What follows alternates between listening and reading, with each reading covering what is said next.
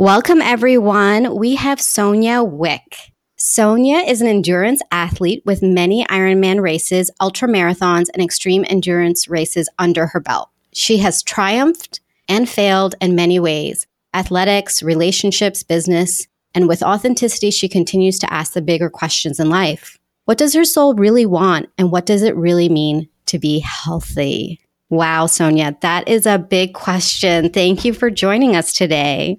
Well, thank you for having me. I'm so excited to get any time chatting with you. It's kind of my favorite. oh, I love you. I mean, for everyone who's listening, Sonia and I, I think have really honestly talked maybe a handful of times, less than less than literally one hand but we just go so deep. I think that there's something between us that is just ready to go deep and talk about those meaningful questions like the one that you asked. So I don't know what's going to happen today, but I'm super excited to have you on. Yeah, thanks.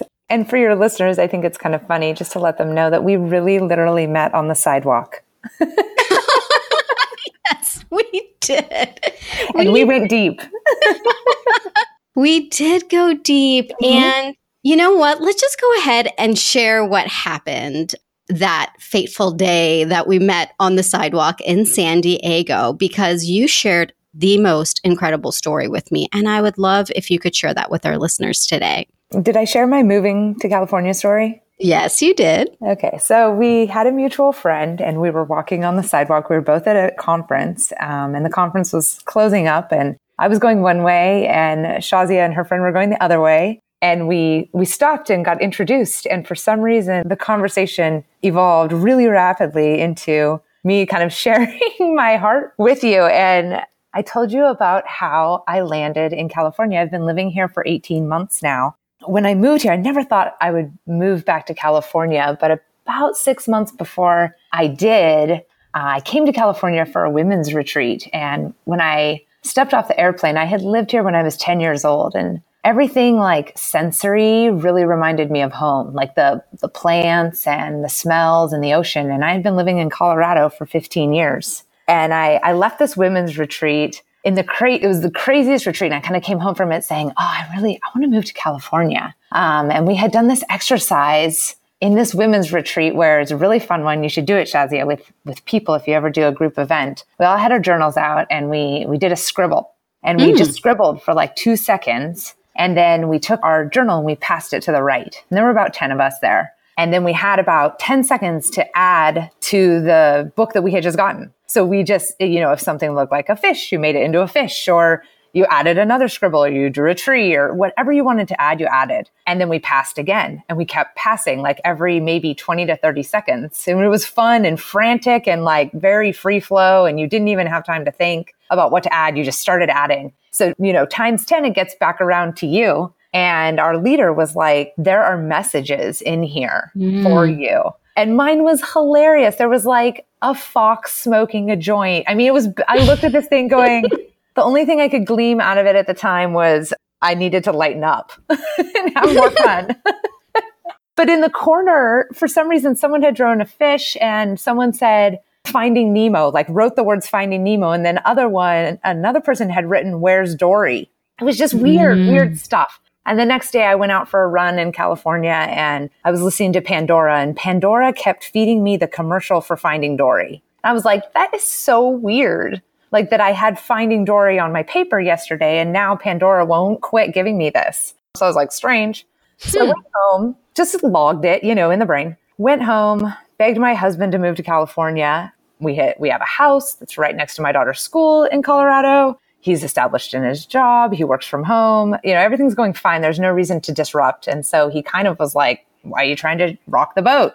I was like, I don't know. I just feel it. I just feel like I want to go there. So he convinced me to, you know, take it down a notch, Sonia. And then about three months later, I went on a travel trip to Texas, of all places. And coming home from Texas, it was raining in Colorado. And I decided I didn't want to go home. So I went to the airport and I asked the lady at Southwest, I said, I don't want to go home. Where else can I go instead of going home? Like right now. Wait, wait, wait. You just said, I don't want to go home. Yeah. Put me on a plane somewhere else. Okay. Just wanted yeah. to clarify. Mm-hmm. And my husband, I mean, he's used to me being a bit, I guess, eccentric. Um, and he's kind of the homebody. And so the lady at Southwest was like, well, I could switch you over to a flight to San Diego. And I was like, yes, that, send me there. so I went to San Diego. And again, I came home from, you know, I spent like four days there just on the beach. I found a cheap hotel room, came home from that trip just like, oh, I really want to go to California. It just feels homey. Brought it back up with my husband. Same thing, you know, don't rock the boat, sweetheart. Like we got everything we need right here with us. And I just, okay, all right, take it down. So then a little bit more time goes by. Now it's um, fast forward to Father's Day. And I, you know, we do what we do with fathers. We try to take them to their favorite place to eat and do the favorite things they love to do. And my husband loves to see movies. And so we we went to dim sum. He ate, you know, to his heart's content. And then we the only movie in the theater that he hadn't seen was Finding Dory. And I didn't even really remember like Finding Dory back from months and months ago on my paper. But we went and saw Finding Dory. We've got a daughter. She's now 12 and we're sitting in the theater and I'm watching Dory swim around and my daughter's in between us. And all of a sudden I realize that Dory, she's trying to find her way home. And for some reason, I know that home is going to be my home. Mm. I don't know. It just like washed over me. And I had lived in this really magical little place when I was 10 called the Central Coast of California. It's a very old California. Like imagine California 50 years ago. That's what the Central Coast still is like today this little town called Morro Bay and the town next to it named Los Osos, where I grew up or lived for five years when I was 10. And I, I just had this thing in my head. I said, Oh my gosh, Dory's going to Morro Bay. Dory's going to Morro Bay. Mm. I knew it.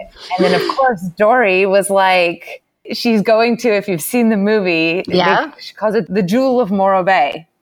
she's trying to find her way to this aquarium, which is modeled off of the Monterey Bay Aquarium but they set it in Morro Bay. And Morro Bay is a town of 10,000 people. Los Osos has 14,000 people. And when she reveals that she's going to Morro Bay, I jump out of my skin. I mm. pick up my phone and start texting my husband. Do you see? Do you see? It's time to go. It's really time to go to Morro Bay. Like, this is where we need to go. I feel it. Can we please move? We need to move. And I'm texting him madly in the theater. And he's looking at his phone, sitting two seats over, going, What is going on with you? we're fine. We're happy. But I just knew I had to go. I had to go. So we get out of the theater and I'm looking at him with these like expectant eyes. And he says, okay, okay, I will ask my boss if I can move. You know, I work from home in Denver, but I don't know if I can work from home in California. Laws are different, rules are different. But just the fact that he was going to ask, I was so excited about. And he said, I'll ask on Thursday. I've got a, a meeting with my boss and it's Sunday, you know, Father's Day. And I kind of was like, oh, Thursday. I have to wait till Thursday. this is progress. So on Monday, I take my daughter to school and I go to the gym to get a swim in. I get out of the pool and I open my phone and there's a text from my husband saying, talk to boss, we can move. That was it. And I freaked out. I rush home. I, you know, pound down the door that he in his office and I say, what? What's going on? He says, yeah, I just called my boss this morning at 8.30 and I said, hey, my wife and her business, they're moving to California. Can I move to California? And she said, yeah, yeah, just call HR and let them know your new uh, address. that was it. Wow. Which is one smooth little boop. So I was so excited. Oh my gosh, we get to move. We get to move. So this is what happens when everyone gets in alignment in a family. Monday was that conversation. Thursday, we were under contract in Los Osos on a house the following Tuesday, we put our house on the market in Colorado. And within eight hours, we had nine offers and 28 showings in our house. So we had, we ended up selling our house in Colorado at a, a major profit with another 30 grand tacked on top because a bidding war started on our house. We were able to move here seamlessly. We, we bought the house we're in now, sight unseen. But I just knew that it was going to be beautiful and wonderful and perfect for us because the whole experience was already flowing downhill. And we came out on the 4th of July and we, we did the inspection and everything was wonderful with the house. You know, some things here and there that Troy works on. And we moved about, we closed three weeks after mm-hmm. going under escrow. All of our stuff fit in a pod and uh, we shipped it off and we, it just, everything happened very, very downhill moving in. No problems, no hiccups, nothing with escrow or loans or anything, no resistance. Everything just flowed. And since we've been here, it's been 18 months now. It is just amazing. The gifts continue to roll in for our family. My my daughter's in love with her new school. My husband picked up sailing and is now racing with an ocean fleet here doing sailing races in the bay and out in the open ocean. And he's born and raised in Colorado. So our whole family's just taken the gift that was given and run with it. Mm, what an amazing story. I yeah. mean, wow, like all under three weeks. I mean, we can spend mm-hmm. so much time trying to make one decision. And wow, you just, one thought, just going to another to another. And all of a sudden, you were in a brand new place, in a brand new house. And it happened so quickly. Yep. Yeah. I mean, such a testament to my husband, who I think sometimes our men are a lot less like intuitively minded. I mean, they have great intuition, but they don't always get rewarded for tapping into it. So, so thankful that he was able to kind of take that leap with me and suspend his own reservations because mine were out the window. And, you know, it can be hard when you're in relationship with another person, my daughter, etc. It can be hard for other people to let go of their own reservations about what you're doing you know that can be a struggle but if you let things come up and discuss them and then let them let them simmer back down and then if they come up again let them come up and let them simmer back down mm-hmm. eventually mm-hmm. i think things will get in line for you if you continue to show up for what's coming up for yourself and I think that's a really important piece that you're saying too. You know, if you're really ready for it. I mean, these signs do come. And I think sometimes it's hard to acknowledge them. I mean, kudos to you for saying, hey, hmm, this is coming up. Like you said, it simmer and go back down and then it come back up and to stay with it because oftentimes it seems like it's easier to just kind of let that, you know, that little whisper go away. But what can happen when you allow that whisper to become louder and to follow it and watch yeah. the alignment as yeah. it all takes place? I mean, your story, when you first told me that story, Sonia, I was like, what? Mm-hmm. That's amazing. I mean, I'm I'm already a believer, but oh my gosh, like hearing a story like that, it's just such a testament in why we really need to listen. Yes. To what what messages are being sent to us from God, from the universe, whatever you want to call it. No, I mean that is it. Yeah, whatever you want to call it, where, wherever your beliefs lie or even don't lie, you know, even if you just see it through your own desires, you know, your own desires are really a key into what your life is supposed to become. Like mm. if the divine can't reach you through your religion, if it can't reach you through your meditation practice, it will reach you through your just your straight up desires, what you mm. want in the mm-hmm. world. Absolutely. So, what happened when you moved? Because what I know, and I don't have all that much insight, so I'm curious to know too. You moved, you had a thriving business, and yeah. now I think things have shifted.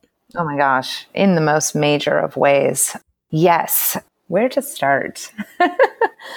I started becoming an endurance athlete about 10 years ago after I had my daughter. She's 12. And I've done a lot of really, I don't know, wild and crazy things when it comes to creating a body that is a Ferrari, essentially. Mm. a very, you know, very earthly pursuit, by the way, not a very spiritual pursuit, but a very earthly pursuit. So I, you know, I got into endurance racing um, and Ironman racing. And, and for those of you who don't know, which I wouldn't expect many of your listeners to know these details, but an Ironman is it's two and a half miles of swimming, 112 miles of biking, and then a marathon, which is 26.2 miles of running, all back to back to back as fast as you possibly can go. And so I, I got into this world of racing. These races take 10 hours to complete and you're, you're pretty much, you know, going for it the whole time. And in order to do that, you really have to train a large amount. So I had spent many years training for these races. I was trying to win the world championships in my age category. So that was a big long term goal slash endeavor for me. And I had marched my way, done 18 Ironmans to date, and then probably 100 half Ironmans and, you know, slew of marathons and some 100 mile run races. You name it, just a lot of really like physical endurance, exertion. And through that process, a lot of people have asked me to coach. And so I started coaching, gosh, probably just a few years into my whole endurance journey. And in 2014, I got second in the world in my age group wow. at Ironman Hawaii, which was trying to win, but second felt pretty darn good, pretty darn close to mm, winning. That's pretty, yeah, that's pretty good. like, yeah, there was one girl in the world that showed up that was able to to finish faster than me, but that, that feels still, you know, pretty darn close. It's a big world. And at that point, I just knew like that thing, whatever I had been chasing after, was satisfied in me. Hmm. And so the next kind of natural extension for me was, well, I build my coaching company. I build, you know, I teach others, right? Like how to do this for themselves or how to get transformation for themselves. And I had been coaching a handful of athletes, about 12, for five years when I decided to kind of build a bigger business. And so I've spent the last two and a half years building that business and, you know, got to the point where we had about 65 athletes. We had seven assist, I guess you'd call them assistant coaches or other coaches. And I was kind of running this coaching conglomerate with training camps and, you know, office hours every week and a full like online suite of services and managing these relationships. And it was, for me, it was a struggle like from the get go to step into mm. this role. Uh, and I could never pinpoint it. I just thought, oh, I, I lack leadership skills or I lack organizational skills or I need better processes or better systems or marketing or so I really went on a two and a half year quest of like, I'm deficient here. I better go figure that out. I'm deficient here. I better go figure that out. All to try to create more, I guess, monetary success, mm. this business. So the end goal was making the business successful, it sounds like. Yeah, totally. Like to build a little baby empire, I guess. And why I thought that was the goal was a little strange, you know, because I had never wanted to build like a mini Sonia empire. I just, I thought it was what you do when you build a business. The point is to like make a profitable company or something. I don't mm know. You know, I had trouble kind of seeing any other really successful reality, right? If we aren't monetarily successful, why are we in business? mm Yeah, it's you know, it's hard to define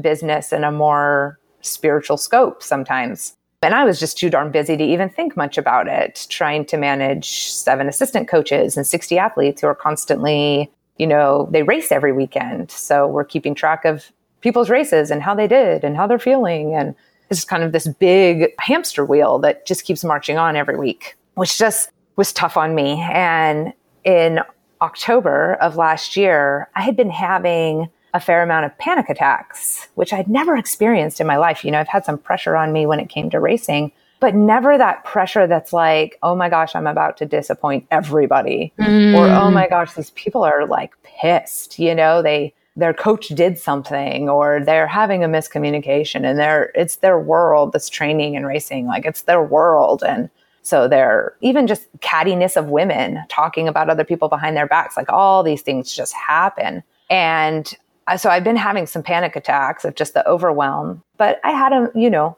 I'd manage myself through them, deep breathe and take the afternoon off and go get outside. But I had a Friday where one of my coaches kind of got mutinous and she quit and she wanted to take all of her athletes with her, but she told me she was quitting coaching. So I started calling our athletes to set them up with a new coach and realized she was kind of undermining me. Mm. She wanted to pretend she wasn't going to take her athletes so she didn't have to pay any contract break fees. So she was trying to steal from me in a backhanded way.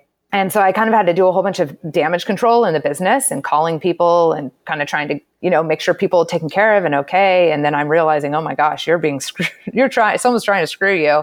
And I was managing it. I was on the floor of the living room all day, making calls on my computer, typing emails, trying to do what, you know, good business people do when things are going down. But I started having some intermittent panic attacks between that I would, you know, deep breathe, get control of myself. And in the evening, my husband had dropped off our truck to get fixed and we drove out there to pick up the truck. And so I'm on the phone doing damage control while he's driving out there. We get to the truck place and I get off the phone and I have a panic attack and I can't get it under control. And what does that look like when you say like hyperventilating? Like mm-hmm. I could couldn't get my breath and anxiety, I guess just like the same thoughts rolling around in the head over and over and over and trying to tell yourself like to stop thinking about that or stop thinking about this person and what's been told to you and what you need to now do. Because there was a lot of people being like, you should send out a survey and ask people what they want to change. And so my brain was like overwhelmed with all this feedback from all these calls I had been making and I couldn't process the feedback. And so I started getting like my brain started spinning on thoughts and I couldn't get mm. control of my thoughts. And so it made me start to hyperventilate and I couldn't get control of my breath. And it went on for about 40 minutes until my husband drove me to the ER. Wow. Yeah, I know. And once I kind of broke, I kind of felt like my brain broke, like my emotional state broke. Like I got in a car accident and like busted up my leg, but it was my like emotional state. I couldn't really like I'm used to being very stable and in control, um, and I couldn't hang on to anything. I, like I could, couldn't control anything emotion wise, kind of from that point on. Which I guess now they call like kind of a like meltdown, nervous breakdown.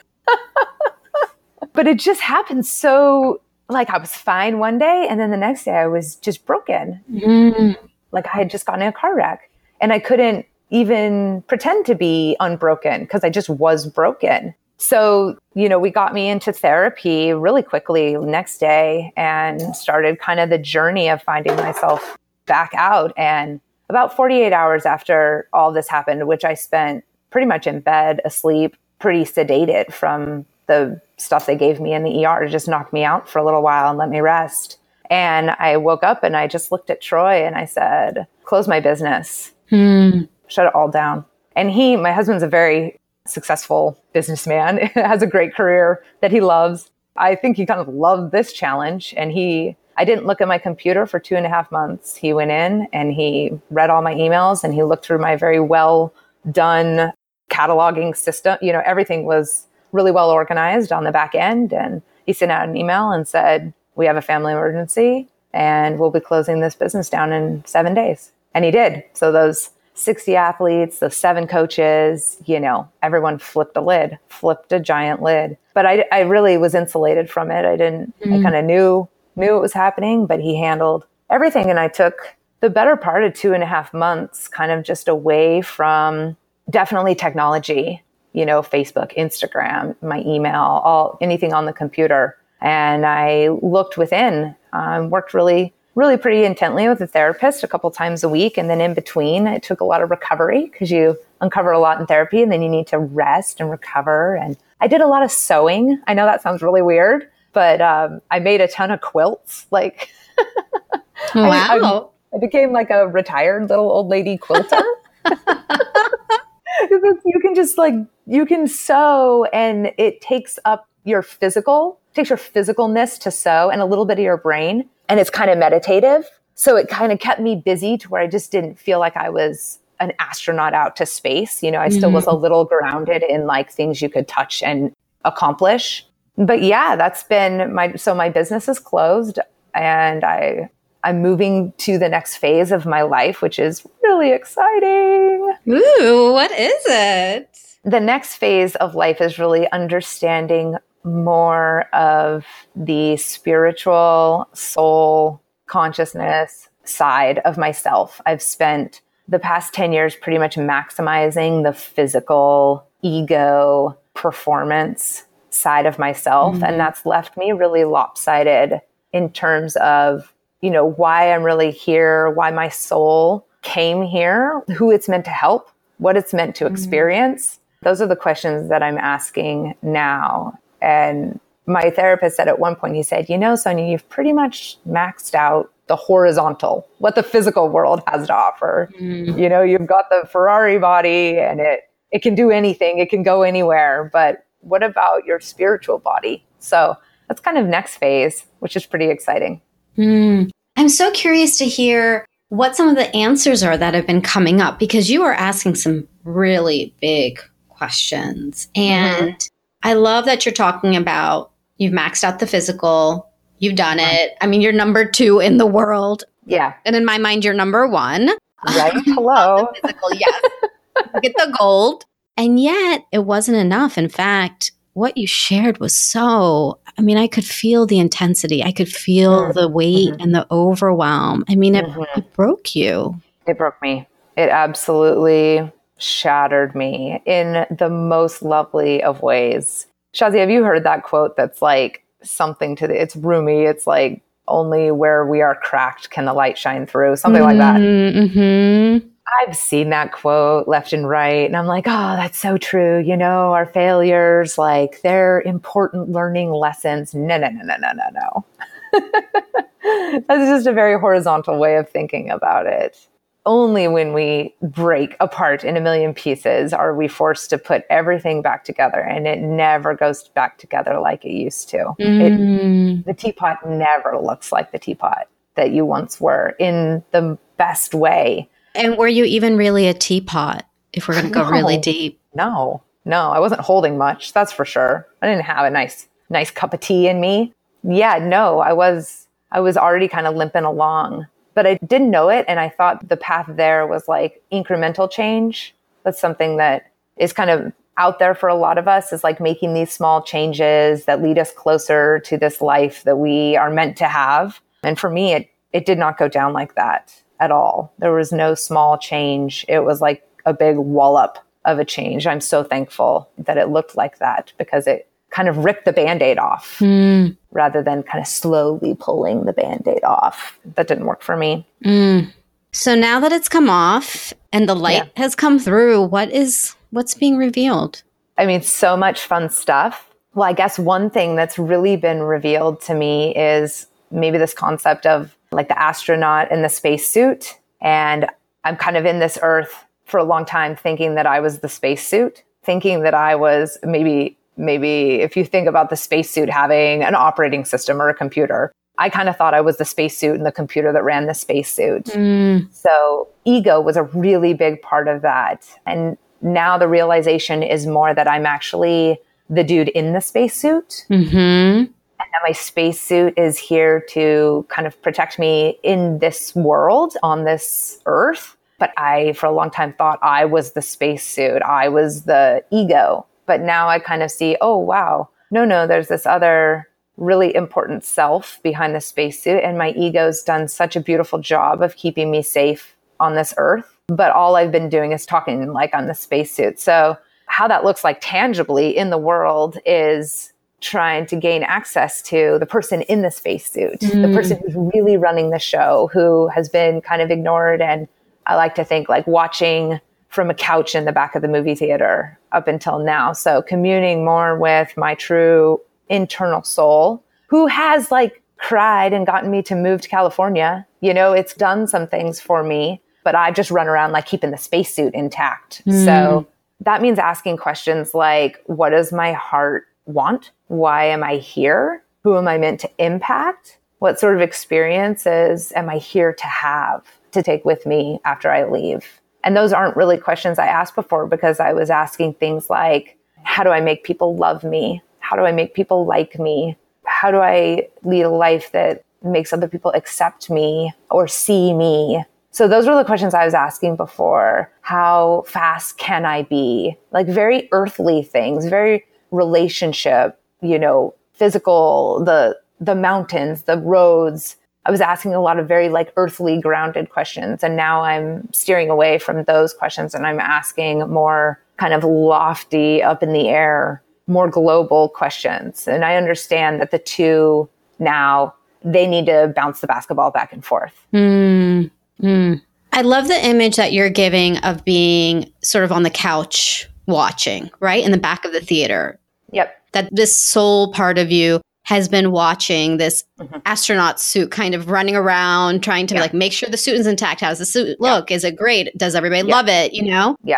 Yes. But this woman on the couch, this woman, this soul, what does she look like? Like if you were to actually describe how she's sitting on that couch, because I'm getting an image in my head, but I'd love to hear what does she look like? How is she sitting? Oh my gosh. Like, so first off, she came here knowing full well that she may never actually get to talk to the spacesuit. That's been super clear to me through the work that I've done is for most of us here on this planet, we go through our lives, we go through our earthly Mhm. lives. And so she came here really n- with no expectations or judgment that she would ever be recognized for who she is, that she even existed or even noticed that she existed. And that is part of the human experience for most people. So, first off, now that I'm like, oh my gosh, you're sitting back there, holy moly, that my ego is like, you're sitting back there. She's so excited because she's like, wow, we're already now in a small percentage of earthlings. You actually see me. So that's exciting for her. But she has no judgment. You know, she literally is like, if you came down here and you got addicted to meth and you died in a crack house, I'd poof back up and be like, wow, that was a crazy ride. Doesn't have a lot. So she's just been watching, like, oh, you built a Ferrari body. You ran around and tried to win things and beat other people. Like, that's interesting. Huh, fun for you but there's no no real judgment here. Like she really is just here to have this earthly experience and to kind of watch whatever that may be. So that feels really freeing to me mm. when i mm. realize that. I'm like oh wow. No she's so cool either way. Like she really is. She's just totally cool no matter what i do. It's all just an experience for her. No judgment. Mm. so there's no expectation. Zero. Mm. Yeah, I mean, she can come down and do it again, probably. I don't know. I haven't asked her, but I get the sense that if she wants to, like, if I die and pop myself off, get hit by a car, you know, she can decide, like, dude, okay, let's go around again. Let's go around again. That's kind of the sense I get. And I don't know if I'm making that up for myself or whatever, but that's just the feeling I get of no judgment. Yeah, and something just so otherworldly. I mean, mm-hmm. the, what a dichotomy between the spacesuit and having yeah. to make sure you know, you do things a certain way. It has to be a certain yeah. way. There is a lot of expectation. The ego has a lot of expectation. Safety, and it's safety related. Safety, yes. I mean, this isn't even a bad thing. It is. It's about safety, survival, and yet your body, yeah. Everything physical, relationships, they all get, we talk about fight or flight all the time, right? Mm. Like that's mm. so, it's not cliche, but it's so thrown around now with cortisol and DHEA, right? And everyone's under so much stress and this fight or flight response that's all spacesuit stuff. Like spacesuits keeping you safe in Earth, on Earth. Mm. Yeah. Yep. Yeah, but in some ways, feeling making you stifle too, right? Like in all yep. that protection. I mean, do we really need a spacesuit? Do we really need that? You know, my my answer right now, our soul would say, no, no, no, you don't. I mean, your soul doesn't need it. Mm. It's okay if you die.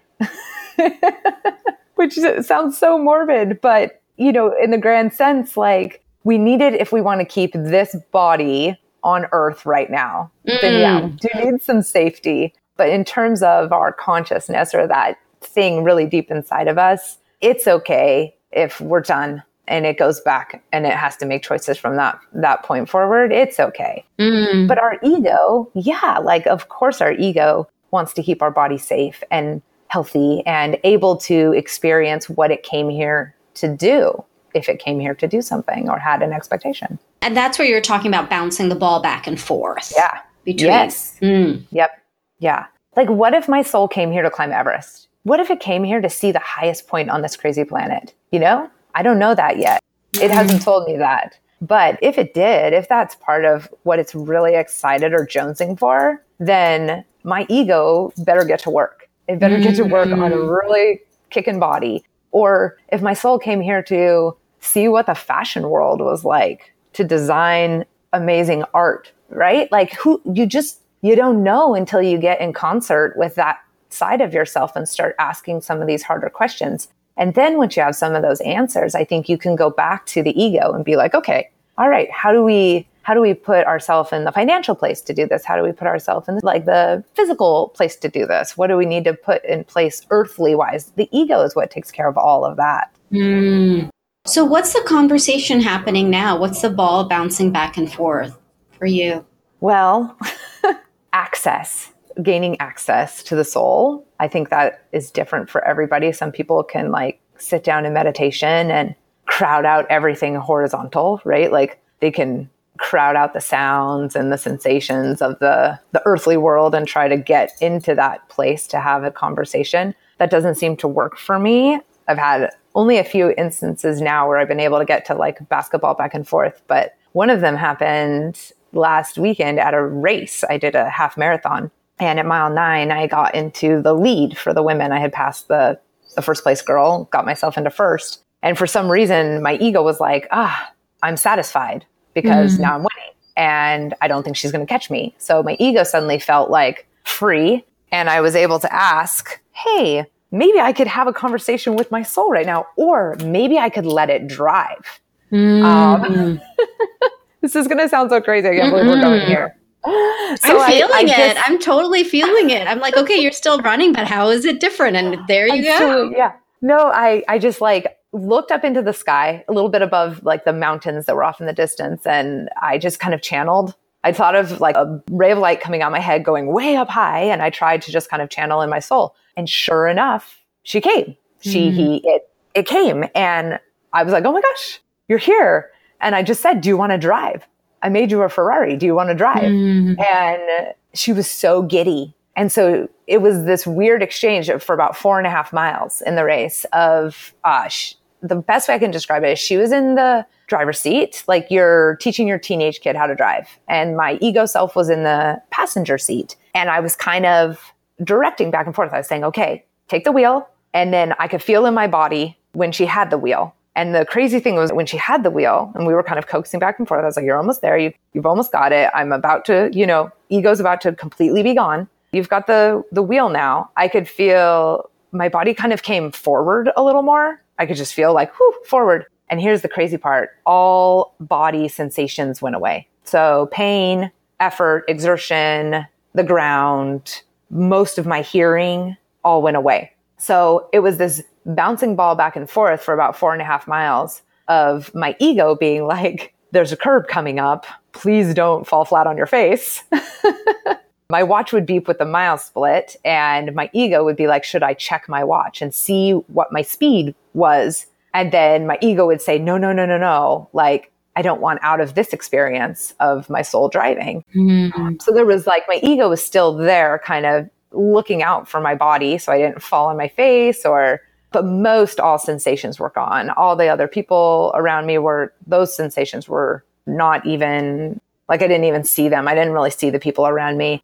Luckily the road was pretty straight and had like a white line that my peripheral vision could kind of just keep track of so that I didn't like wander off the road. But yeah, for four and a half miles, we had this bouncing back and forth. So we didn't get to talk life but I got to experience the utter glee and excitement that my soul had because it got to drive a Ferrari and it didn't really even have any expectations that it would ever even be noticed, much less get to drive the body. Hmm.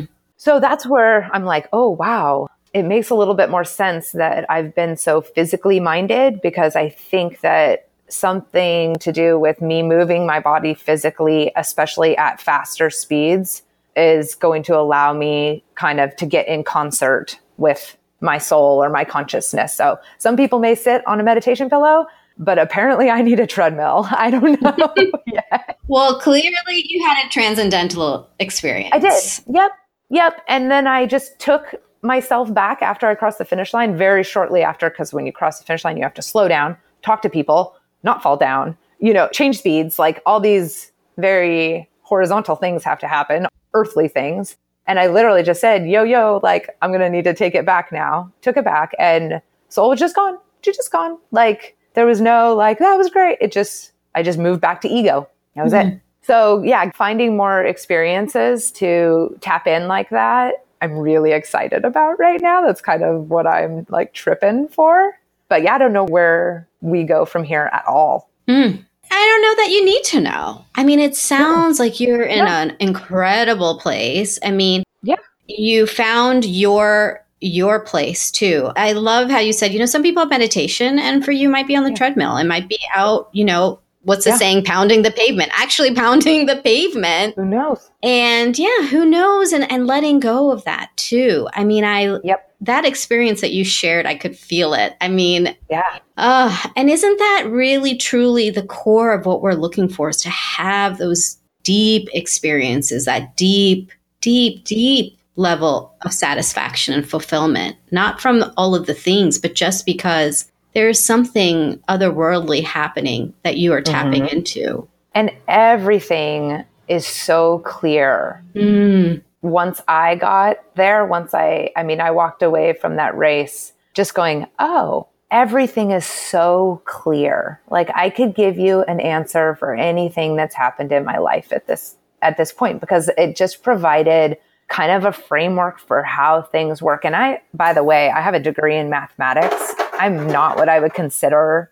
a woo woo person. You know, I don't have religion in my life and I'm just coming at this from an experience of one person, just my own mm-hmm. experiences. So it was really neat for my mathematical brain to suddenly feel so much clarity with how things work. And really, my own experiences are the only thing I'm going off of. I haven't, you know, read books about how this stuff works. I don't have all these other things infiltrating into the experience. This is just where I'm at and what I've experienced. So I have, I assume that it will be different for every person who attempts to go there in their own spirituality. Mm. Well, I would love to hear if you have any advice for the people listening. And I know it's not a one size fits all, like you've just no. said. But as we are really trying to find ourselves, this mm-hmm. place mm-hmm. of deep clarity, because I see this with my clients all the time, I've experienced it in my own life, hearing your story. The truth is there when you meet this higher version of yourself, your soul, this something in the other world. I, I don't even yeah. have a word for it. You're not supposed to. Words are horizontal, right? Yes. Words are earthly. So it is exactly the divinity that makes it hard to talk about. Yeah. Yes.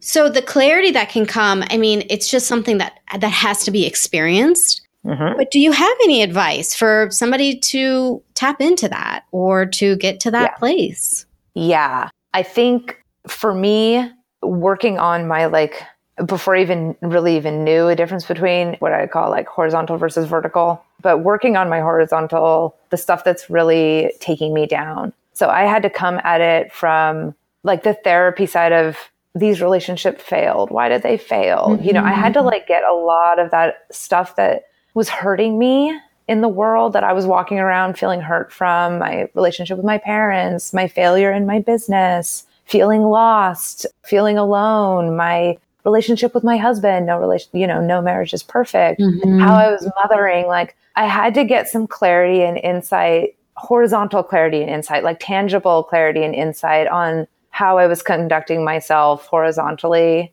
before I could be open to that vertical existence. Now, of course, that I have it, I laugh at the relationship problems. I laugh at the failed business. I'm like, failed business, like, come on, you know, there's it's not a failure. It's just on to the next step, you know? That stuff is makes me giggle now. But a month ago, I was still entrenched in like those very earthly problems. And so I, I did, I had to work on those earthly problems, mm-hmm. the things that are really hanging you up, whether it's your marriage or your job or, you know, that thing that's giving you that feeling of like, there's more for me, but I can't access it start by digging into that, digging into your relationships and mm-hmm.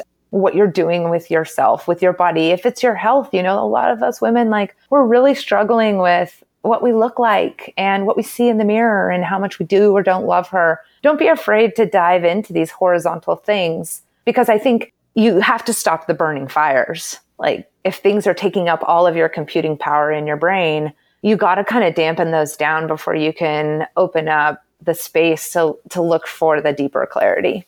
Thank you for that, Sonia. Thank you. I couldn't agree more. And I know that people are going to be asking me how they can find you. And I know that you're moving into something super exciting right now. And not to put any they expectations, can't. but yes, how can they find you? they can't. That's the crazy thing. You used to be able to find me everywhere. I was everywhere. I had a blog. It had a lot of readers. I had a business. I had business cards. I had Facebook. I had Instagram. You know, it's all still out there, but if you go looking for it, it's all silent as of October when I lost it and broke into a million pieces. So, yeah, the truth is what you hear right now, like that's how you found me. And honestly, if what I'm saying strikes a chord, then that's all you need. You know, mm. you don't need to find me. I just mm. gave you what mm. what you need. So keep looking for inspiration elsewhere. There's plenty of it out there, but you know, don't look for me. Go look for yourself. That's beautiful, Sonia. And I also believe deeply that when we're hearing a message, we're meant to hear it. And those of us who are meant to be mm-hmm. connected, we're connected through the soul, whether we ever see each other in physical form or not. So, absolutely. You had a chance to really connect with the people listening today. And I love the message that you've sent them what you've shared. Thank you for being so open. So, yeah. so open. I'm oh, excited to. to see what's going to be next. I'm going to be keeping in touch because I do know how to find you. maybe I, maybe that will change, but I'm going to keep on trying. Yeah, no, I've got the email. You've got access to that. So, so far that I check it like once a week. Great. Well, thank you so much. It's been great. Thanks for giving me a, I guess, like a portal to be able to verbalize. I mean, this stuff mm. all feels, you can, I think, kind of hear in my voice that I'm kind of like, this is crazy, which is how it feels in my body. So thanks for giving me a portal to be able to explore it verbally because it all just does feel wild and awesome. And it sounds awesome. I mean, it made so much sense. I was feeling all the stories you were sharing. I could feel myself actually when you were talking about the running. Mm-hmm. I could actually feel myself in the moment with you. So there's mm-hmm. something very sensory mm-hmm. that is transcending even beyond your own experience. And I just want to share that. Fun. I think that there's going to be a lot more, but we'll see. No expectation. Yeah. No, really none. well, great. Thank you so much, Sonia. Yeah, you're welcome. Take care.